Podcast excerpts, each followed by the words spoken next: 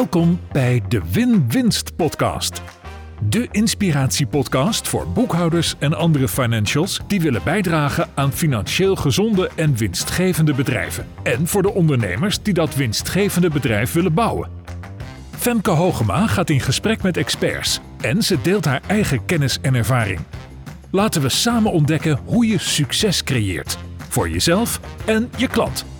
Een echte win-winst. En als jij deze aflevering luistert op de dag of in de week dat hij uitkomt, ben ik bij Tony Robbins in Palm Beach, Florida.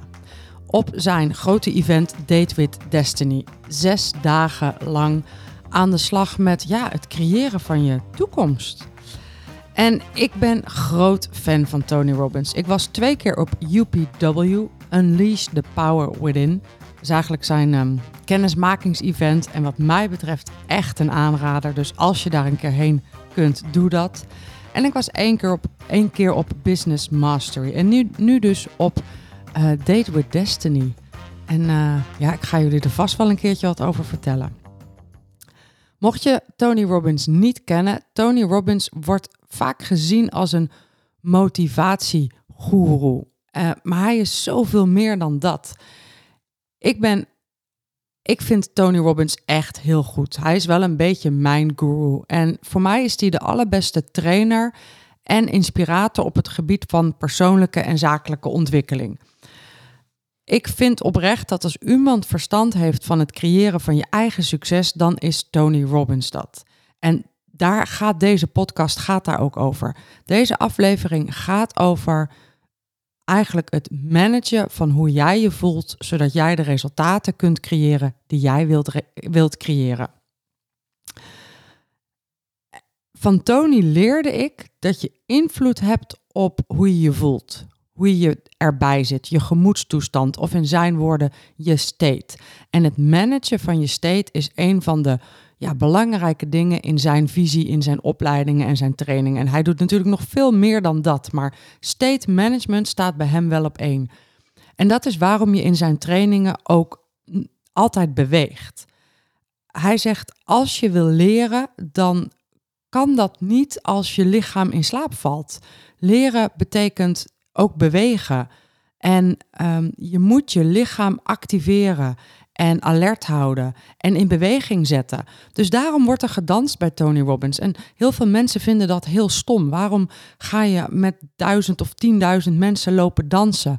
Maar het doet iets met je state. Het geeft je energie. En als je energie hebt, dan leer je veel makkelijker. Dan neem je meer op. Dus um, ja, state management, dat is echt wel een, eh, een groot ding. En ik denk dat we ons daar helemaal niet zo bewust van zijn. Dat we onze eigen state, onze gemoedstoestand, hoe we erbij zitten, dat we daar zelf verantwoordelijk voor zijn, dat we die kunnen beïnvloeden. En dat is natuurlijk wel een proces. Ik, ik vind het geen trucje. Het is niet iets van, uh, ik leer je nu even hoe dat moet en uh, vanaf dat moment ben je altijd uh, happy de peppy. Zo werkt het niet. Het is wel iets wat je moet ontwikkelen. En natuurlijk begint ook deze ontwikkeling weer, zoals iedere ontwikkeling, bij bewustzijn. Want als je je bewust bent van hoe jij je eigen state op dit moment onbewust beïnvloedt, of hoe anderen, je omgeving, jouw state beïnvloeden, ja, dan kun je daar andere keuzes in gaan maken. En, en daar begint het voor mij uh, mee. Ik sta in deze aflevering stil bij twee onderwerpen. Nummer 1. Waarom is het zo belangrijk om je state te beïnvloeden? En twee, hoe doe je dat dan?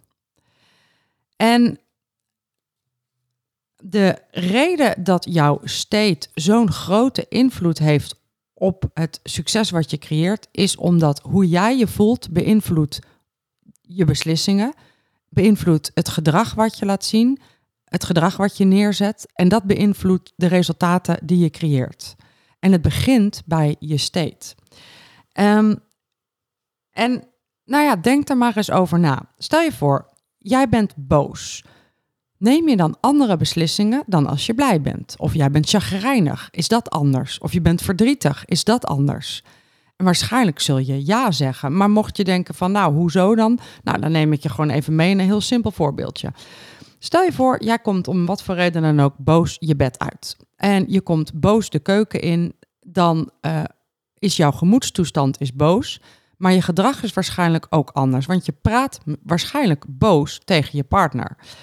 En stel je nou voor dat jij het belangrijk vindt om s ochtends even met je partner samen een kopje koffie te drinken en even aandacht te hebben voor elkaar.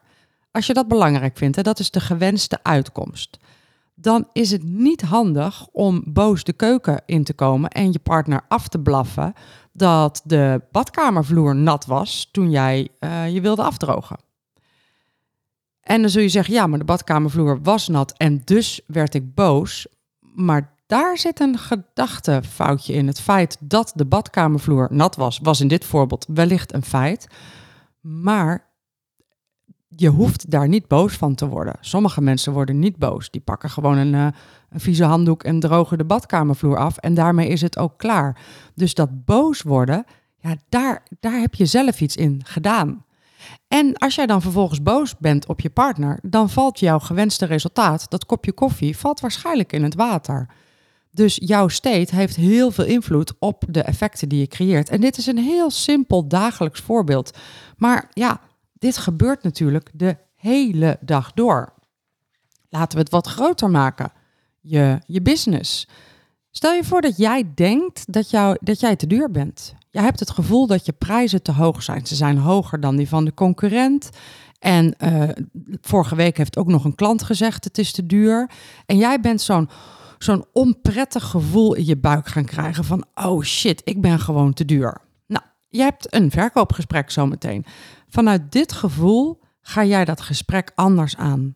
Dan zijn jouw beslissingen anders en dan is je reactie op je klant anders. Jij voelt je onzeker, dat merkt de klant.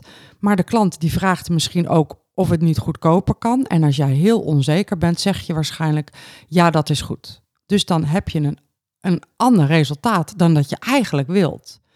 Terwijl als jij met diezelfde prijs weet tot in al je vezels dat dit echt een ontzettend mooie prijs is. En je weet tot in al je vezels dat jouw klant die investering binnen een half jaar terugverdient, dan zit jij daar heel anders in. Heel zelfverzekerd. Dan klinkt je stem anders. Dan is je gezichtsuitdrukking anders. Dan zeg je andere dingen tegen de klant. En als je klant dan om korting vraagt, dan zeg je dat korting geen optie is. Maar dat je wel wil zorgen dat de klant het snel terugverdient. En dat dat eigenlijk veel meer oplevert dan korting. En dan creëer je een ander resultaat. Dus je state is ongelooflijk belangrijk. En er zijn ook wel onderzoeken naar gedaan. Want ik kan dat nou wel zeggen en Tony Robbins kan dat nou wel zeggen. Maar er zijn best wel veel onderzoeken gedaan, bijvoorbeeld naar uh, optimisten versus pessimisten. Wat is nou slimmer? Is het nou slimmer om een optimist te zijn en overal de positieve kant van in te zien? Of is het slimmer om een pessimist te zijn? Want dan kan het ook niet tegenvallen. dat is een beetje de, de overweging. Nou, uit onderzoek blijkt dat optimisten gelukkiger en succesvoller zijn. En de reden daarvoor, volgens die onderzoeken, is dat optimisten goed in hun vel zitten en ze vertrouwen op een goede afloop, waardoor ze eerder dingen uitproberen en dus eerder iets vinden wat goed bij ze past, waardoor ze gelukkiger en succesvoller worden. Dus ze hebben meer, laat me zeggen, handelingsvrijheid, omdat ze meer zelfvertrouwen hebben in de goede afloop. En ook bij een tegenslag, hè, want iedereen heeft wel eens dat er tegen zit in het leven, privé of zakelijk. Ook bij tegenslag kun je beter een optimist zijn, want een pessimist gaat letterlijk bij de pakken neerzitten, komt niet meer in beweging, blijft misschien wat langer in bed liggen of uh, gaat meer achter Netflix zitten in plaats van te proberen de dingen op te lossen. Uh, en dus dat is dan wat er gebeurt. Ze geloven dat het toch niet gaat lukken en ze komen dus ook niet in actie om hun situatie te verbeteren. Dus um, je kunt maar beter een optimist zijn. Ja, en nu kun je je zeggen, ja, nou, mooi is dat. Ik ben nou eenmaal geen optimist, ik ben een pessimist. Dus uh, fuck that. Ja, dat kun je zeggen. Maar um, ik denk dat je wel invloed hebt op hoe je je voelt. En dat je daar um, dus ook ruimte in hebt om dat te verbeteren. Ik zeg niet dat uh, de, de eeuwige pessimist uh, binnen no time een eeuwige optimist is, maar je hebt wel invloed. En daar kunnen we een heel piepklein experimentje bij doen. Dus, wil je eens denken aan iets vervelends wat er de afgelopen week gebeurde? En dat mag iets heel kleins zijn, dat mag iets zakelijk zijn, maar iets wat gewoon echt vervelend was, iets wat tegen zat. En denk even terug aan die situatie. Misschien was er iemand anders bij betrokken. En wat zei die persoon dan tegen je? Uh, of misschien was het iets in de mail. En wat las je dan precies? En denk nog even terug aan waar je op dat moment was. En um, ja, en terwijl je hieraan denkt, check nou eens even bij jezelf, hoe voel je je nu? Hoe voel je je nu? Nu je terugdenkt aan deze vervelende situatie. Misschien zeg je nu wel van kun je ophouden met dit experiment, want ik vind het helemaal geen leuk experiment. Nou, laten we hem vervolgen. Voordat we dat doen, zeg even je geboortedatum achterstevoren. Uh, nou, dat vind ik al heel moeilijk, dus daar stoppen we weer mee. Um, denk nu aan iets waar je dankbaar voor bent. Iets van vandaag of afgelopen week, of misschien zelfs wel langer geleden. Waar ben je nou echt dankbaar voor? En het mag iets heel kleins zijn, maar dat mag ook iets groots zijn. En wat maakte dan dat je zo dankbaar was? Hè? Wat gebeurde er precies? Wat zei iemand tegen je of wat deed iemand? Misschien was het een knuffel die je kreeg en misschien zei iemand iets heel liefs tegen je. Of was het gewoon een, ja, een life-changing event waar je heel dankbaar voor bent. En voel nog eens even dat gevoel van dankbaarheid in jezelf. En hoe voel je je nu? En het kan bijna niet anders, zelfs als je dit experiment maar een heel klein beetje hebt meegedaan, een flintertje vervelend en een flintertje dankbaarheid. Het kan niet anders dan dat je twee verschillende gemoedstoestanden hebt ervaren. Twee verschillende states. En die zitten in dezezelfde podcast. Um, het was misschien 20, 30 seconden. En de enige reden waarom je twee verschillende gemoedstoestanden hebt ervaren, is omdat je terugdacht aan iets, ja, iets wat gebeurd is. Dus je had een herinnering, je dacht ergens aan terug, je focuste je op iets specifieks en dat veranderde hoe je je voelde. Dus je hebt daar invloed op. En je zult dat misschien in deze podcastserie überhaupt wel merken dat ik iets vertel en dat je daar een idee bij krijgt en dan word je helemaal enthousiast en dan voel je je ineens anders doordat je naar een podcast luistert. Dus het beïnvloedt je state. Ehm, en meestal gaat dat ongemerkt. Meestal gaat dat heel snel. Jij eh, zit op Instagram en iemand heeft gereageerd op jouw post. En iemand heeft onaardig gereageerd. Boom, je voelt iets. Je voelt ergernis of, uh, of wanhoop. Of, sorry, wanhoop. Dat was de verkeerde klemtoon. Je voelt wanhoop of ergernis of boosheid. Of je wordt juist heel trots of vrolijk. Of iemand zei iets heel leuks. Dus je, je, je laat je ook beïnvloeden door dingen van buitenaf. Ja, en dat kan niet anders. Het is niet zo dat we daar nu ineens mee kunnen stoppen. Dat gebeurt. Um, wat er wel ook gebeurt, is dat je vaak een hele snelle interpretatie hebt voordat je iets voelt. Stel je nou voor dat je bent op een netwerkbijeenkomst en je komt, je ziet Gijs. Dus je zegt, uh, hey Gijs. En Gijs zegt, hoi. En hij weet kennelijk jouw naam niet. Dan de ene persoon die voelt zich dan um, ja, eigenlijk ongezien. Hè? Die, die baalt daarvan. Die denkt, nou, ik ben kennelijk niet belangrijk genoeg voor Gijs om mijn naam te onthouden. Dus die voelt zich daardoor belabberd. En de andere persoon, die heeft een hele andere state. Die voelt zich trots, want die denkt, hey, uh, ik weet Gijs zijn naam nog wel. Wat knap van mij dat ik zijn naam nog weet. En die voelt zich trots. Zelfde gebeurtenis, andere emotie. En ja, hoe komt dat nou? En kunnen we dat beïnvloeden? Dat is eigenlijk de belangrijkste vraag die we nu natuurlijk hebben. Um, er zijn heel veel dingen die je steeds beïnvloeden. Bijvoorbeeld het weer, zeker als je op vakantie bent. Als je op vakantie bent en je wordt ochtends wakker, je trekt de gordijnen open, dan heeft een zware regenlucht uh, een heel ander effect op je dan een strak blauwe lucht. Dus dat, er zijn heel veel dingen die je steeds beïnvloeden. Wat anderen tegen je zeggen, het weer, wat je op social media ziet, uh, wat je in je mailbox vindt, het beïnvloedt je allemaal. Maar daar hebben wij weer niet zoveel invloed op. Dus de vraag is, wat beïnvloedt jouw state waar jij ook invloed op hebt? En dan wordt het interessant, want dan kun je jouw beslissingen, jouw gedrag en dus jouw succes en jouw levensgeluk wel beïnvloeden. Nou, in het werk van Tony Robbins is de triad heel belangrijk. Een triad is een driehoek. En in het midden staat het woord state en de drie zijden van de driehoek die hebben drie beïnvloeders van je state. En die drie beïnvloeders zijn volgens Tony, Tony Robbins je fysiologie, dus je lichaamshouding, maar ook je adem hoort daarbij, je focus en je taal. Volgens Tony zijn dat de belangrijkste beïnvloeders. En je fysiologie is misschien wel de snelste en de meest directe. En als ik nou bijvoorbeeld tegen je zou zeggen: ga eens in feutushouding op de grond liggen. Dat doe het maar niet, hè, want misschien ben je ergens uh, op kantoor of zit je in de auto, dus doe het maar niet. Maar stel je even voor dat je dat doet.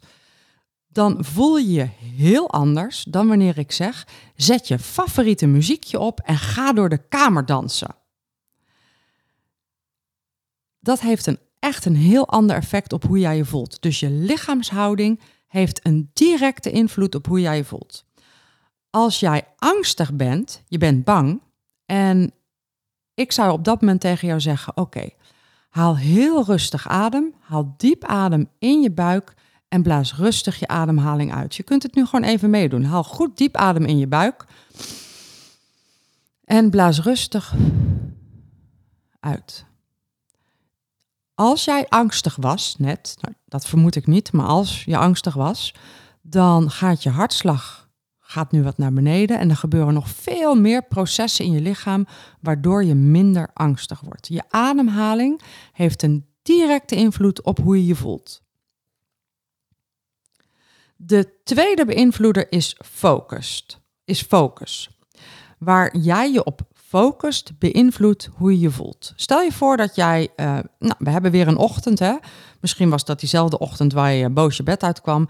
En je laat een uh, volle pindakaaspot op de, op de keukenvloer vallen. En die uh, pindakaaspot die, gaat in heel veel stukjes uit elkaar. Dus de hele keuken ligt bezaaid met glas en pindakaas.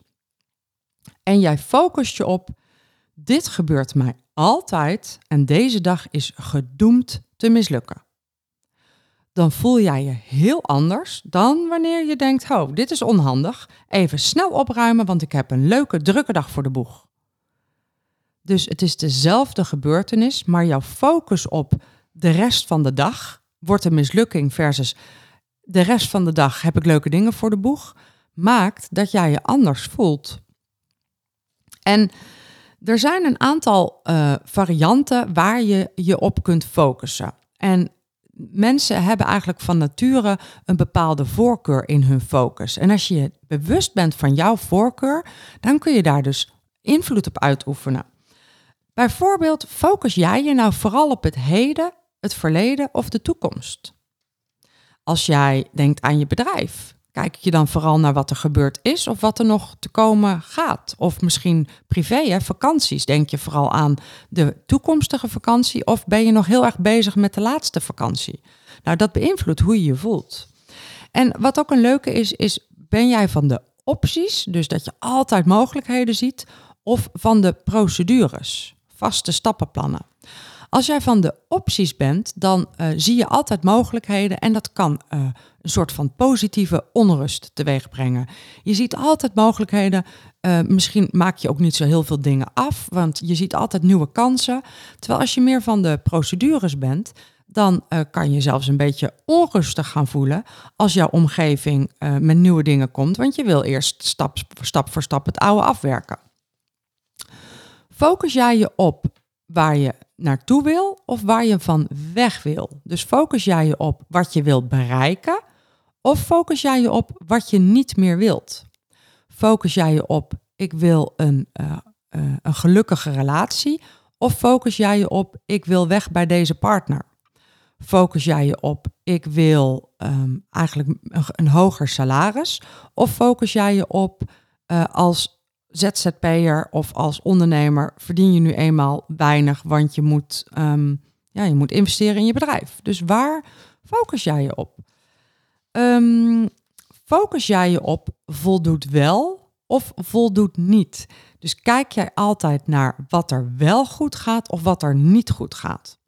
Stel je voor dat je een parkeerplekje zoekt met laadplek voor je elektrische auto en je rijdt de parkeerplaats op.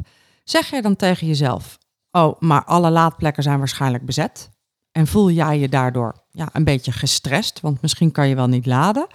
Of focus jij je op: Oh, ik moet even op zoek naar een laadplek, want dan heb ik lekker weer een volle uh, accu.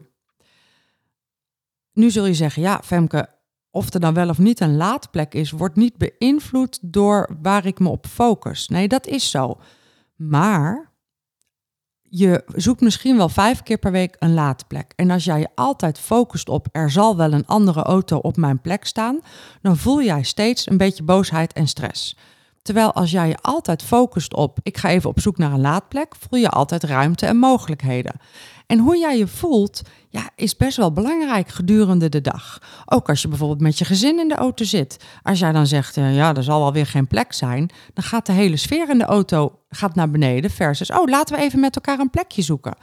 Dus waar focus jij je op? Op voldoet wel of voldoet niet? Focus jij je op zo hoort het nu eenmaal of focus jij je op wat willen we eigenlijk? Focus jij je op wat er allemaal mis kan gaan? Focus kan ook gaan over de plaatjes die je in je hoofd maakt. Als je bijvoorbeeld aan jouw toekomst denkt, zie je jezelf dan um, achter de geranium zitten met een, uh, met een stok en uh, uh, een puzzelboekje? Of zie jij jezelf met een camper door de wereld trekken? Of zie jij jezelf de eerste marathon van je leven rennen? Wat is jouw focus voor je oude dag? Ja, dat beïnvloedt hoe je je voelt over je oude dag en dat beïnvloedt natuurlijk de beslissingen die je nu maakt. Focus jij je op, hè, we hebben het nog steeds even over de plaatjes, focus jij je op een goedlopend bedrijf waar je in ontspanning werkt en genoeg verdient?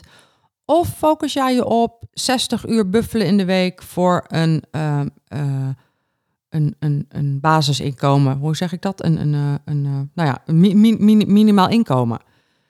Waar focus jij je op? Wat doet dat met hoe je je voelt? En wat doet dat met de beslissingen die je neemt? Dus focus is naast fysiologie een hele belangrijke beïnvloeder van hoe jij je voelt. En de laatste beïnvloeder is taal. Taal is letterlijk de woorden die je hardop of in jezelf tegen jezelf zegt. Dus zeg jij tegen jezelf: Ik kan dit? Of zeg jij: Dat lukt mij nooit? Zeg jij tegen jezelf: Ik ben benieuwd hoe ik dit ga creëren? Of zeg jij tegen jezelf: Ja, maar dit is onmogelijk. Dit, dit heeft nog nooit iemand kunnen doen. Dus wat zeg je tegen jezelf? Welke woorden gebruik je? Nou, deze drie ingrediënten, fysiologie, dus houding en adem, focus en taal, beïnvloeden je state. Beïnvloedt hoe jij je voelt. En als je dit weet, kun jij bewust je state beïnvloeden. Dus als jij je onzeker of boos voelt en je moet een belangrijk gesprek ingaan, zorg dan dat je eerst je state beïnvloedt voordat je dat gesprek ingaat. Nou, hoe doe je dat? Haal even heel diep adem. Recht even je schouders. Ga even rechtop zitten met een rechte rug. Of ga even staan en schud je even uit. Of doe even een dansje. En focus je aandacht op de gewenste positieve uitkomst. En zeg tegen jezelf: You got this. Of je bent goed zoals je bent. Of andere woorden die voor jou werken. Dus stel jezelf ook de vraag: wat wil ik tegen mezelf zeggen? Welke woorden wil ik voor mezelf herhalen? je hebt vast wel eens gehoord van affirmaties. Dat zijn de woorden die je regelmatig tegen jezelf zegt. Nou, affirmaties hebben best wel een slechte naam. Hè? Dat je voor de spiegel gaat staan en dat je in de spiegel zegt: Ik ben knap, ik ben knap, ik ben knap. En dat dat misschien niet zo goed werkt. En dat, nou ja, ik vraag me ook af of je heel veel knapper wordt als je dat tegen jezelf in de spiegel zegt. Maar de andere kant van het verhaal is dat de woorden die je tegen jezelf zegt zo'n enorme impact hebben op hoe jij je voelt en dus hoe jij je ontwikkelt als mens. Dat als jij tegen, jou, tegen jezelf de verkeerde woorden zegt, dat het echt heel belangrijk is om jezelf erop te betrappen en die woorden te vervangen voor betere woorden.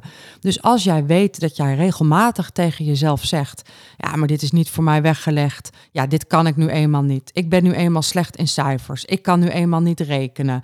Ik ben nu eenmaal niet snel genoeg. Ik ben nu eenmaal niet sterk genoeg. Als je die woorden tegen jezelf zegt, word daar bewust van. Ik zal nooit rijk zijn. Uh, um, als je voor een dubbeltje geboren wordt, word je geen kwartje. Mijn oudere broer was de slimme in het gezin, dat ben ik niet. Wat je ook tegen jezelf zegt, als dat jou naar beneden haalt, ja, ga, ga andere woorden tegen jezelf zeggen. En je hoeft ze niet meteen te geloven. Um, je kunt gewoon dat eerst eens een tijdje gaan zeggen. En na een tijdje gaan ze comfortabeler voelen. En na nog een tijdje ga je ze wel geloven. Um, dus dus ga, ga niet meteen iets onmogelijks tegen jezelf zeggen. Ga niet meteen zeggen: Ik ben de sterkste vrouw van de hele wereld. Weet je, dat, dat werkt misschien niet. Maar um, je kunt wel zeggen: Iedere dag word ik sterker. Iedere dag word ik sterker, geeft jou een andere energie dan als jij tegen jezelf zegt: Ik ben nu eenmaal een slapjanus.